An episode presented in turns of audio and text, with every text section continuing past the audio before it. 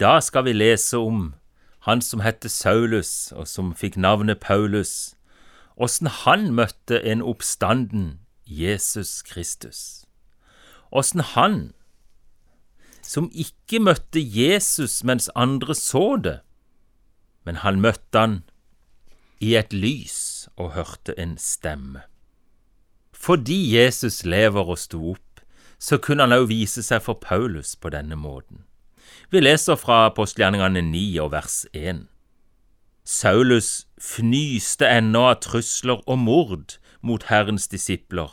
Han gikk til ypperste presten og ba om å få gå med brev til Damaskus, til synagogene der, for at han, om han fant noen som hørte veien til, enten det var menn eller kvinner, kunne føre dem i lenker til Jerusalem.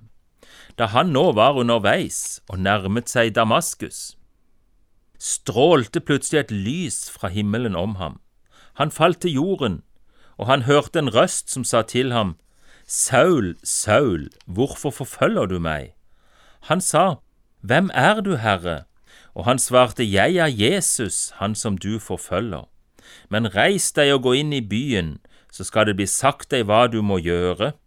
Men mennene som reiste sammen med ham, ble stående målløse, for de hørte riktignok lyden, men så ingen. Saulus reiste seg da opp fra jorden, men da han åpnet øynene, så han ikke noe. De leide ham da ved hånden og førte ham inn i Damaskus. Amen. Saulus fikk ikke møte Jesus mens han gikk omkring her sammen med disiplene sine. Han fikk ikke møte Jesus før Jesus for opp til himmelen, og før Jesus satte seg med Faderens høyre hånd. Men fikk han møte Jesus? Ja, han kom altså til Damaskus som en forfølger av de som ville tro på Jesus. Han kom der for å sende de i lenker tilbake til Jerusalem og få fengsla de. Han var med når han som het Stefanus, ble steina til døde. Han var enig i at han ble drept fordi han ville følge veien. Han ville tro på han Jesus, som jo var død og lagt i grava. Han fnyste altså. Han ville ikke ha noe med denne Jesus å gjøre.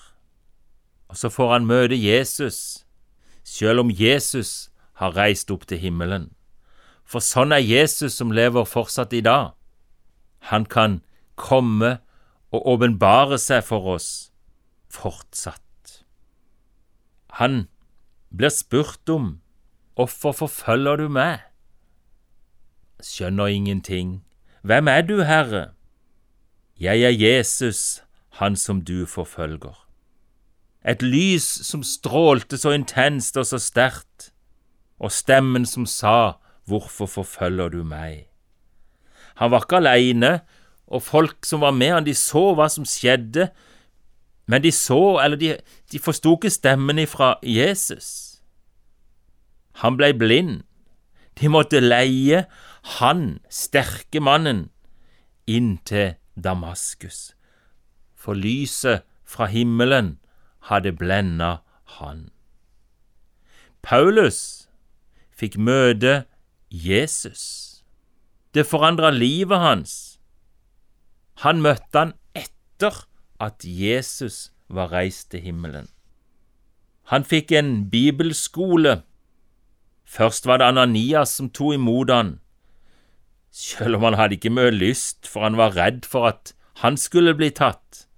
Til slutt så var han lydig mot stemmen fra himmelen. Paulus får nytt navn fra Saulus til Paulus. Så blir han utrusta av Den hellige ånd, og så blir han den misjonæren som reiser på misjonsreis etter misjonsreis. Så får han være med og føre evangeliet endog til Europa, til der vi bor, iallfall til vår verdensdel. Han kunne ikke gjort det hvis ikke Jesus lever. Han møtte Jesus. Jesus kom til han og spurte hvorfor han forfølger han. Paulus sier seinere, hvis ikke det er sant at Jesus har stått opp, så er sånne som formidler Bibelens ord, sånne som reiser rundt og forkynner evangeliet, de er de dummeste av de dumme. Og så slår han fast i første Korinterbrev 15 og vers 20. Men nå er Kristus stått opp. Jesus lever. Hadde jeg så lyst til å si til du som hører på over en åpen bibel i dag. Jesus har stått opp igjen.